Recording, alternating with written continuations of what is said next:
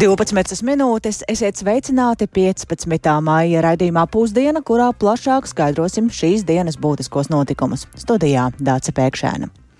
Un ir pienākusi tā ilgi gaidītā diena, kad ir sākusies biļešu tirniecība uz dziesmu un deju svētku pasākumiem. Tā sākās pirms pāris stundām biļešu paradīzes tīmekļa vietnē, un no šodienas biļetes var iegādāties uz 15 dažādiem svētku notikumiem, un šajā gadījumā šodien cenas ir no 7 līdz 90 eiro. Bet kā šorīt ir gājis ar biļešu pirkšanu, plašāk zina stāstīt kolēģe Agnīla Lazdiņa. Sveika, Agnija! Tu šobrīd pievieno, pievienojies mums tiešādē, un arī tu līdzīgi kā citi dziesmu un svētku, deju svētku dalībnieki stāvēja virtuālajā rindā. Kā tev izdevās tikt pie biļetēm? Sveiki! Jā, es esmu veiksmīgi tikusi pie savām biļetēm un izstāstīšu par to, kā man gāja. Un, uh, es pieslēdzos biļešu paradīzes mājaslapai pirms pulkstenes pusdesmitiem, iegāju savā profilā un tad jau ātri vien mani pievienoja šai virtuālajai rindai, jo sistēmā parādījās ar vien lielāks lietotāju skaits. Mazāk par 30 minūtēm gaidīju virtuālajā rindā savu kārtas numuru, ko izsniedz sākoties biļešu tirdzniecībai, proti pulkstenes desmitos. Pa to laiku no biļešu tirgotājiem iedzīvotājiem bija nodoti divi ziņojumi, kuri parādījās turpat mājaslapas logā. Viens bija par to, ka šos kārtas numurus izsniegs, kad beigsies laika atskaite, bet otrs ziņojums bija īsi pirms pusdienas desmitiem par to, ka tirzniecības sākums strauji tuvojas, tāpēc visiem biļešu gribētājiem ir vienkārši jāgaida un šī lapa nav jāatjauno. Pienāca pulkstenis desmit, lapa automātiski atjaunojās un īsu brīdi es redzēju vienu cilvēciņu, kas ir uzsācis savu ceļu līdz manai nokļūšanai pie biļetēm. Un Un tad jau parādījās arī mans rindas numurs, kas bija 1528. Pašā sākumā pircēju skaits pirms manis bija 1113. Un paredzamais gaidīšanas laiks, kas ir atkarīgs no citu pircēju darbības ātruma, tāpēc tas varēja mainīties, bija 4 minūtes. Un, ja man ir jābūt pavisam precīzai, tad 3 minūtēs un 21 sekundē es izstāvēju savu rindu un nonācu biļešu paradīzes mājaslapā. Tā jā, es varēju izvēlēties atbilstošo pasākumu. Biļetes es gribēju iegādāties uz tautas mūzikas eh, koncertu trejdeviņas pelnīšanu Latvijas mūzikas instrumentu meistaru izstādi, jo pirmkārt tas man uzrunāja, otrkārt pasākumam bija arī plašāka izvēle cenu ziņā, proti biļetes varēja nopirkt no 10 līdz 30 eiro. Tobrīd bija vēl diezgan plaša izvēle vietu un cenu ziņā, kad es veicu savu pirkumu un veicot izvēli, protams, tika aizvesta tālāk pie apmaksas un biļetes bija man rokā. Kopumā kopumā tas man prasīja 5 minūtes. Es gribēju pārbaudīt, vai es varu nopirkt vēl pēc tam biļetes, un tad nospiežot uz konkrēto pasākumu, man atkal aizved uz šo virtuālo rindu.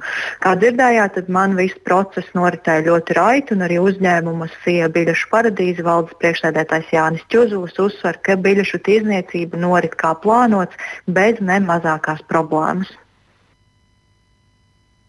Līdz šim viss norit tehniski nevainojami, virtuālā rinda nostrādāja labi. Tiesa, pateicoties augstām sistēmas jaudām, ilga gaidīšana rindā nebija nepieciešama, vien dažas minūtes, bet uh, aktīvā pirkšanas fāze joprojām notiek. Mēs pilnīgi noteikti redzam, ka mūsu izvēlētā taktika ir pareiza. Mēs to turpināsim īstenot. Lietotājs skaits ir liels, bet mēs ar to lieliski tiekam galā. Protams, mēs rēķināmies, ka nākamajās tirdzniecības dienās pieprasījums būs daudz, daudz augstāks. Īsi pirms pusdienas es pārliecinājos, kā tad soks ar tirzniecību, un no 15 pasākumiem 7 jau ir izpārdoti, kas lielākoties ir tieši dažādi koncerti. Tiesa jāatzīst, ka arī biļetes uz pārējiem pasākumiem ar katru brīdi kļūst ar vien mazāk, tāpēc noteikti ar to nevajag vilcināties, citādāk pie biļetēm var arī netikt.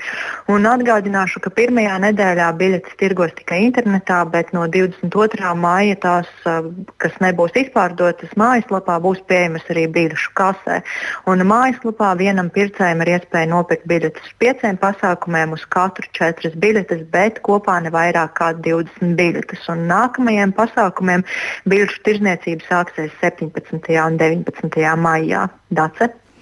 Paldies! Tikko dzirdējām kolēģis Agnijas Lazdiņas pieredzi, un šobrīd varam pavaicāt arī, kā uz šo procesu raugās svētku izpildirektora Daina Markova. Viņa pie telefona klausulas tiešaidē. Labdien!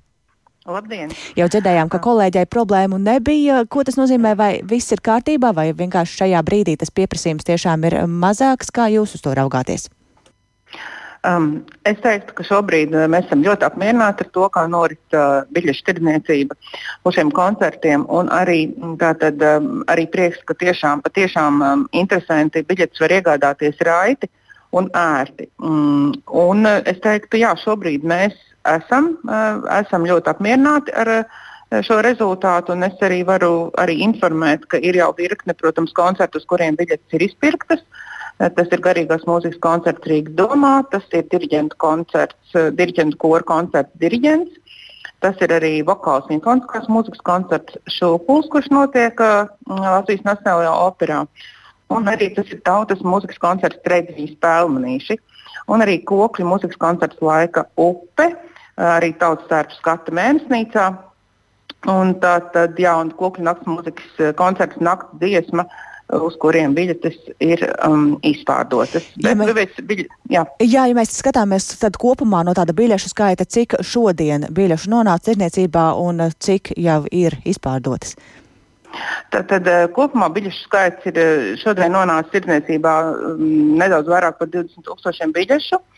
Ir izpārdota šobrīd um, apmēram puse biļešu, un lielākais biļešu skaits, ko vēl var iegādāties, ir šie ārā stāvkoncerti, uh, Tas ir um, atklāšanas koncerts pie arēnas Rīga.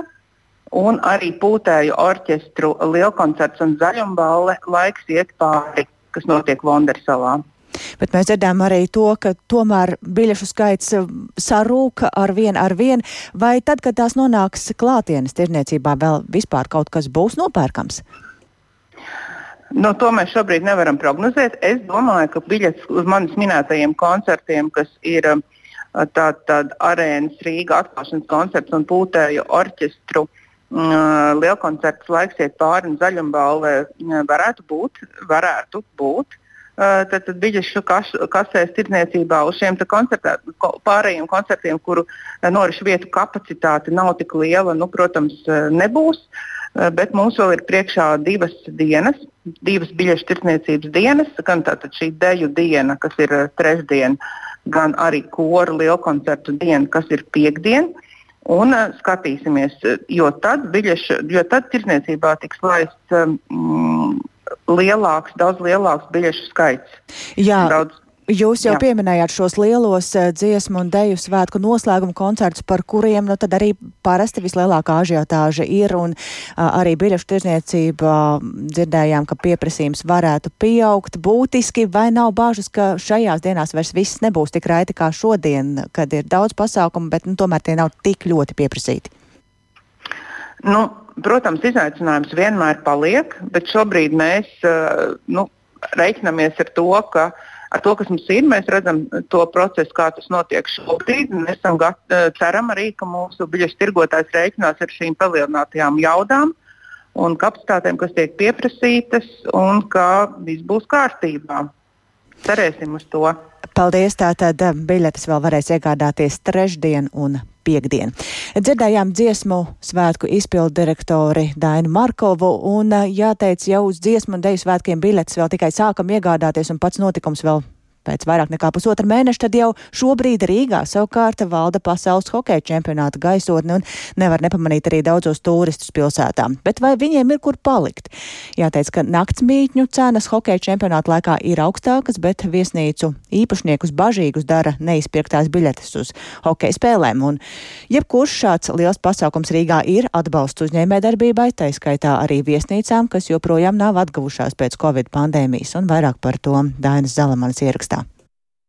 Kādas ir cenas Rīgas viesnīcās pasaules hokeja čempionāta laikā? Zvanu un interesējos, cik maksā viena nakts divvietīgā numurā. Viesnīca Islandē ar cildu. Ja rezervē patiešot caur mums, tad būs 108,80. Ļoti atkarīgs, kas notiek pilsētā.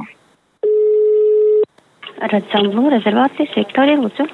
Tad no šodienas līdz 28. vai 9 nu, diezgan dārgāks šajā hokeja periodā. Ja tagad es jums varu par 161 eiro piedāvāt, tad ikdienā tas būtu no nu, 100, 110 par standarta īstabu. Un uh, to ir paskatījušos Elizabete ir pilna viesnīca, tā kā tur es nevaru šo periodu piedāvāt. Cenas Rīgas viesnīcās hokeja čempionāta laikā ir augušas, tomēr atšķirīgi. Viesnīcu tīklam Mogotel pieder deviņas viesnīcas Rīgā, divas Jūrmalā un viena Siguldā. Cenu pieaugums ir 10-15%, bet istabas ir pieejamas.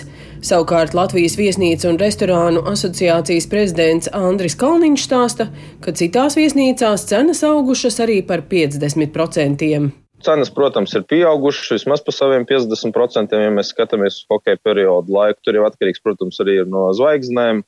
Bet nu, es domāju, ka priekš tāda notikuma arī Rīgā tās esošās cenas, tās pilnīgi adekvātas cenas. Salīdzinot ar pārējo Eiropu, viesnīcas piedāvājums ir dažāds, sākot jau no moteļiem, hosteļiem līdz pat piedzvaigžņu viesnīcām, un katrai tai cenu grupai ir savs pircējs. Diemžēl nospēlē tas faktors, ka pasaules čempionāts ir sadalīts divās daļās. Daļa notiek Rīgā, daļa Tamperē. Mēs arī sekojam, protams, līdz arī publiskā informācijai, kā ir izpirktas biļetes hokeja spēlēm arēnā Rīga. Nav iepriecinoša tā informācija, ja pēdējais, ko es lasīju, mazāk kā 50% izpārdots. Ceram uz to, ka būs arī tādi fani, kas čempionāta laikā pievienosies jau esošajiem. Viesnīcu tīkla Mogotel valdes locekle Sabīna Krieviņa stāsta, ka Latvijā joprojām turistu grupas ierodas krietni mazāk nekā pirms Covid pandēmijas, bet individuālie turisti rezervācijas veids tikai nedēļu pirms ierašanās, tā kā pagaidām grūti spriest, cik turistu šovasar Latvijā būs. Joprojām viesnīcām ir problēmas ar darbinieku piesaisti. Darbinieki trūka arī pirms eh, Covid pandēmijas. Pandēmijas laikā arī daudz nozarē strādājošie pamata nozari, un, eh, diemžēl, tā arī nav atgriežušies atpakaļ. Tāpēc situācija ir nu, diezgan nopietna.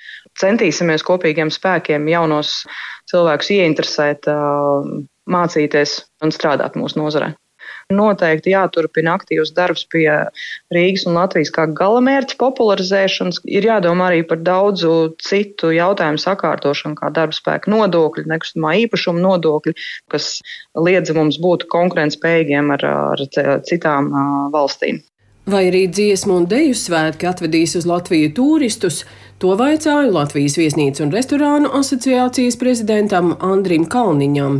Pat vietējiem uz dziesmu dēļu svētkiem nav iespēja iegādāties šīs biļetes, kur no ārzemniekiem. Protams, būs kaut kāds pieplūdums, bet, protams, jebkurš pasākums, kurš notiek, vai tas ir maratons vai dziesmu dēļu svētki, pienes tāpatās kaut kādu labumu uzņēmējiem, kafejnīcām, restorāniem. Tāpatās arī viesnīcās ir savas, teiksim, kafejnīcas, restorāni. Kā jebkurā gadījumā tas ir tikai pozitīvi. Jebkurš pasākums, kas tiek rīkots Rīgā, kurš pienes ārvalstu turistus, dod, protams, kaut kādu labumu šai pilsētas ekonomikai, uzņēmējiem un uh, pēc Covid pandēmijas grūtajā laikā, jā, nu, tas tagad ir tās atbalsts jebkurā gadījumā. Viesnīcnieki cer, kā arī citi pasākumi, piemēram, pasaules čempionāts maratonā, kas notiks Rīgā septembrī, piesaistīs galvaspilsētai papildus viesus. Daina Zalamane, Latvijas radio.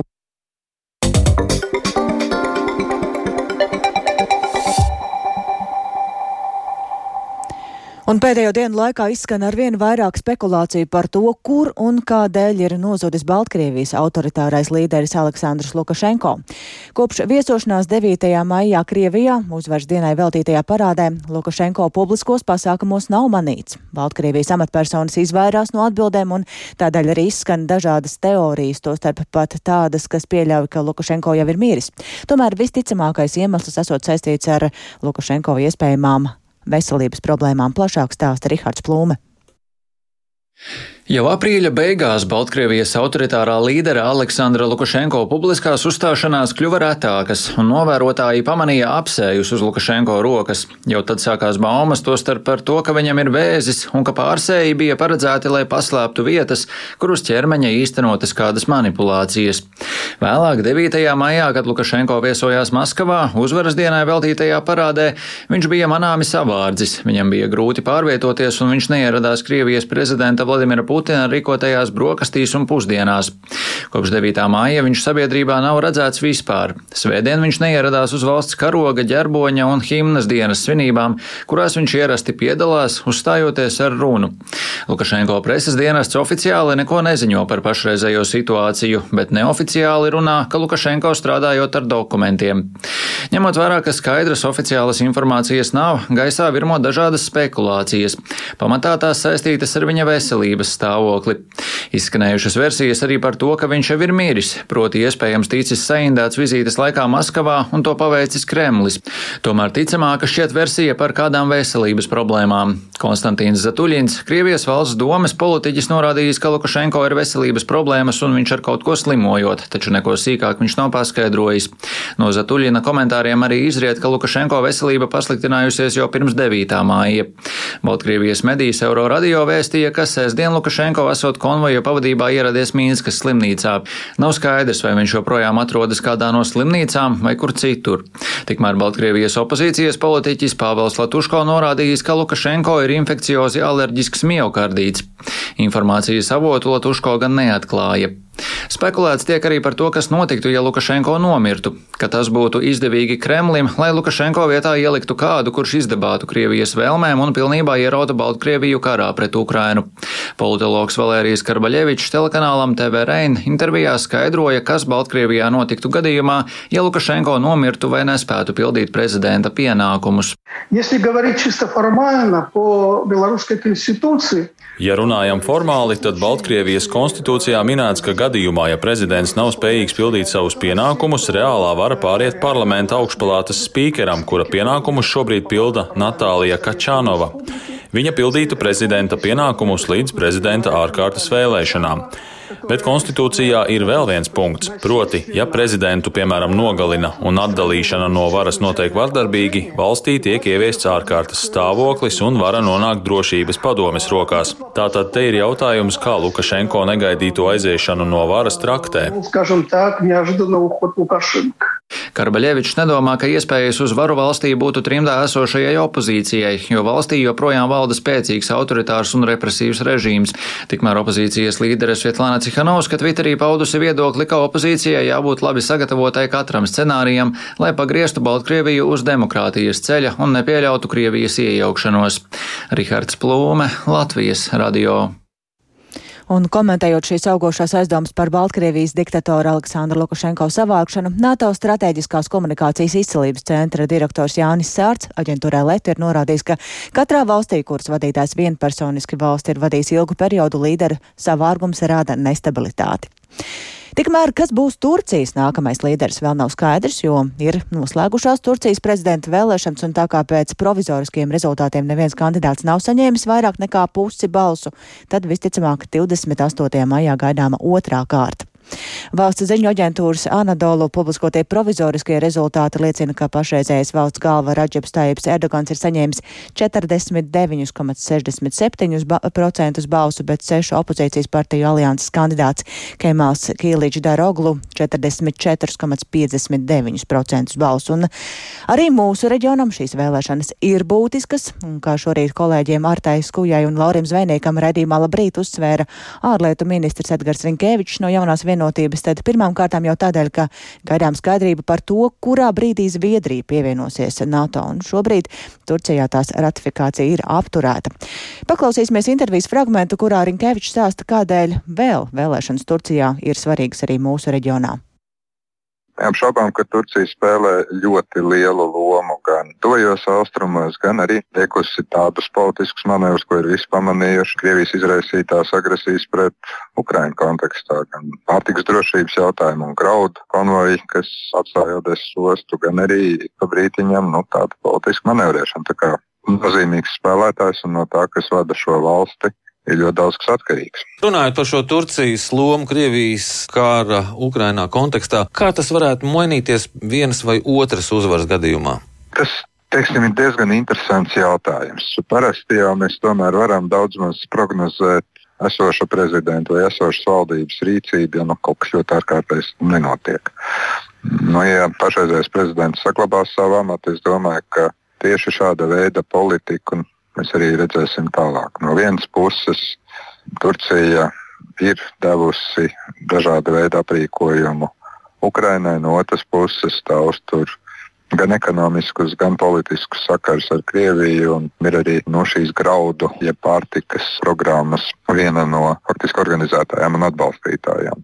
Jauna valdība, protams, var iedot citus akcentus. Katrā gadījumā no Latvijas interešu viedokļa ir būtiski, ka Turcija pēc iespējas ātrāk, pēc tam, kad vēlēšanas ir beigušās, ratificē Zviedrijas pievienošanos. Tas ir mūsu reģiona un visas alianses interesēs. Un otrkārt, tomēr ievēro kaut kādus ļoti stingrus arī NATO darba principus, gan saistībā ar aizsardzības plānošanu visai aliansē.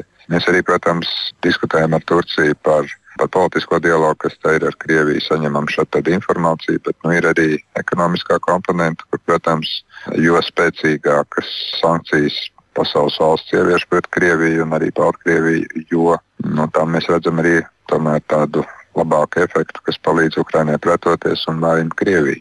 Vai tas būs, to mēs tagad redzēsim visticamāk tikai jūnijā. Un otrs jautājums par Zviedrijas ceļu uz NATO pēc vēlēšanām. Zviedrija varētu saņemt, jā.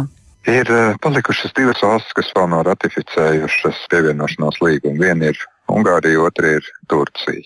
Es domāju, ja viena valsts lems, tad otra sakos tās pēdās. Ir diezgan daudz jautājumu, par kuriem Zviedrija un Turcija runājusi. Nu, ir zināma cerība, ka pēc vēlēšanām jau viņas samitā jūlijā mēs sveiksim Zviedriju kā 32. NATO pilntiesīgu dalību valsti, bet uh, kā jau tas dažreiz politikā ir. Nesaki hop, kamēr tu neesi pārlecis pāri grāvim. Tik tālāk ārlietu ministrs Edgars Rinkēvičs un plašāk par šo tēmu runāsim arī raidījumā pēcpusdienā. Bet programmas noslēgumā atgriežamies pašmājās. Sākoties peldsezonai šodien pludmalēm pasniedz zilos karogus, un zilā karoga certifikātu šogad saņem 11 peldvietas un viena jahtu osta. Simboliska turisma ekocertifikāta pasniegšana un arī peldsezonas atklāšana šodien notiek, un tajā pulcējas vides eksperti, pētnieki, arī drošās peldēšanas speciālisti. Un plašāk par piekrastes un peldvietu apsaimniekošanas aktualitātēm un izaicinājumiem ir gatava stāstīt kolēģi Sinti Ambota, kura pievienojas tiešraidē. Labdien, Sinti! Sveiki, Dārcis, sveicināti klausītāji. Nu jā, varbūt jāiezīmē uzreiz šīs vietas. Tātad trīs no šīm peldvietām ir Liepājā, tāpat zilais karoks plīvos Rīgas vakarbuļu peldvietā un vecāķos. Divās peldvietās Daugaupilī, kā arī Ventspils pilsētas pludmalē, Jēkabpils novada Radžu peldvietā, Limbažu novada Lielezerā un Saukrastu novada centra peldvietā. Savukārt eh, jahtu ostu kategorijā eh, certifikāts piešķirts eh, Liepājas jahtu ostai Liepāja Marīna. Lai iegūtu zilā karoga certifikātu peldvietām ir jāatbilst 33 kritērijiem, savukārt jahtu ostām 38 kritērijiem, kuri skar peldūdens kvalitāti, notekūdeņu attīrīšanu novadi, atkritumu savākšanu. Tāpat būtisks faktors zilā karoga pacelšanai ir dažādu cilvēku grupu vidas pieejamība peldvietai, kā arī, protams, peldētāju drošības pasākumi jo noslīkušo skaits ik vasaru Latvijā joprojām ir viens no lielākajiem Eiropas Savienībā. Organizācijas Peldēt droši aptauja liecina, ka 73% iedzīvotāju ir atzinuši, ka neprot peldēt vai ūdenī jūtas nedroši, tikai 7% prot peldēt tā, lai spētu sev izglābt dzīvību.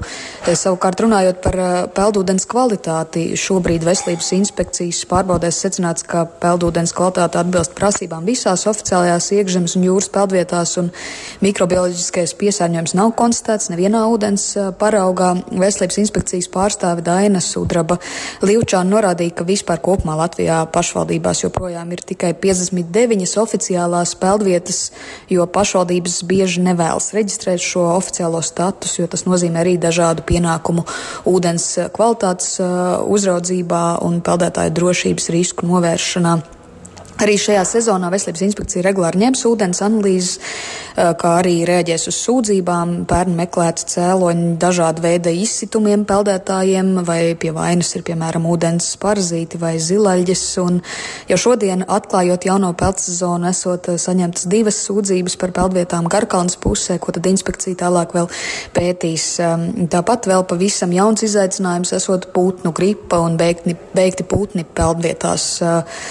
Uh, vēl atklājot peldsezonu, vidas eksperti un pētnieki aktualizēja arī atkritumu problēmu. Tātad biežāk atrodamie atkritumi pludmalēs joprojām ir plasmasas uh, izstrādājumi, pudeles, bērnu rotaļlietas, plasmasas maisiņu un plēves, kā arī cigarešu izsmēķi. Un, lai mazinātu atkritumu apjomu vasarā, ir paredzēta tāda informatīvā kampaņa peldvietās. Tāpat plānot jauni projekti, lai pētītu mikroplasmasas piesārņojumu problemātiku. Jā, paldies Sintējai Ambotei par šo ieskatu. Tātad sākoties peldsezonai pludmalēm pasniedz zilos karogus, un ar to izskan raidījums pusdiena, ko veidoja Ilze Aginta, Uldis Grīnbergs, Rīta Kārneča un es Dācis Pēkšēna. Tiekamies atkal rīt! Yeah.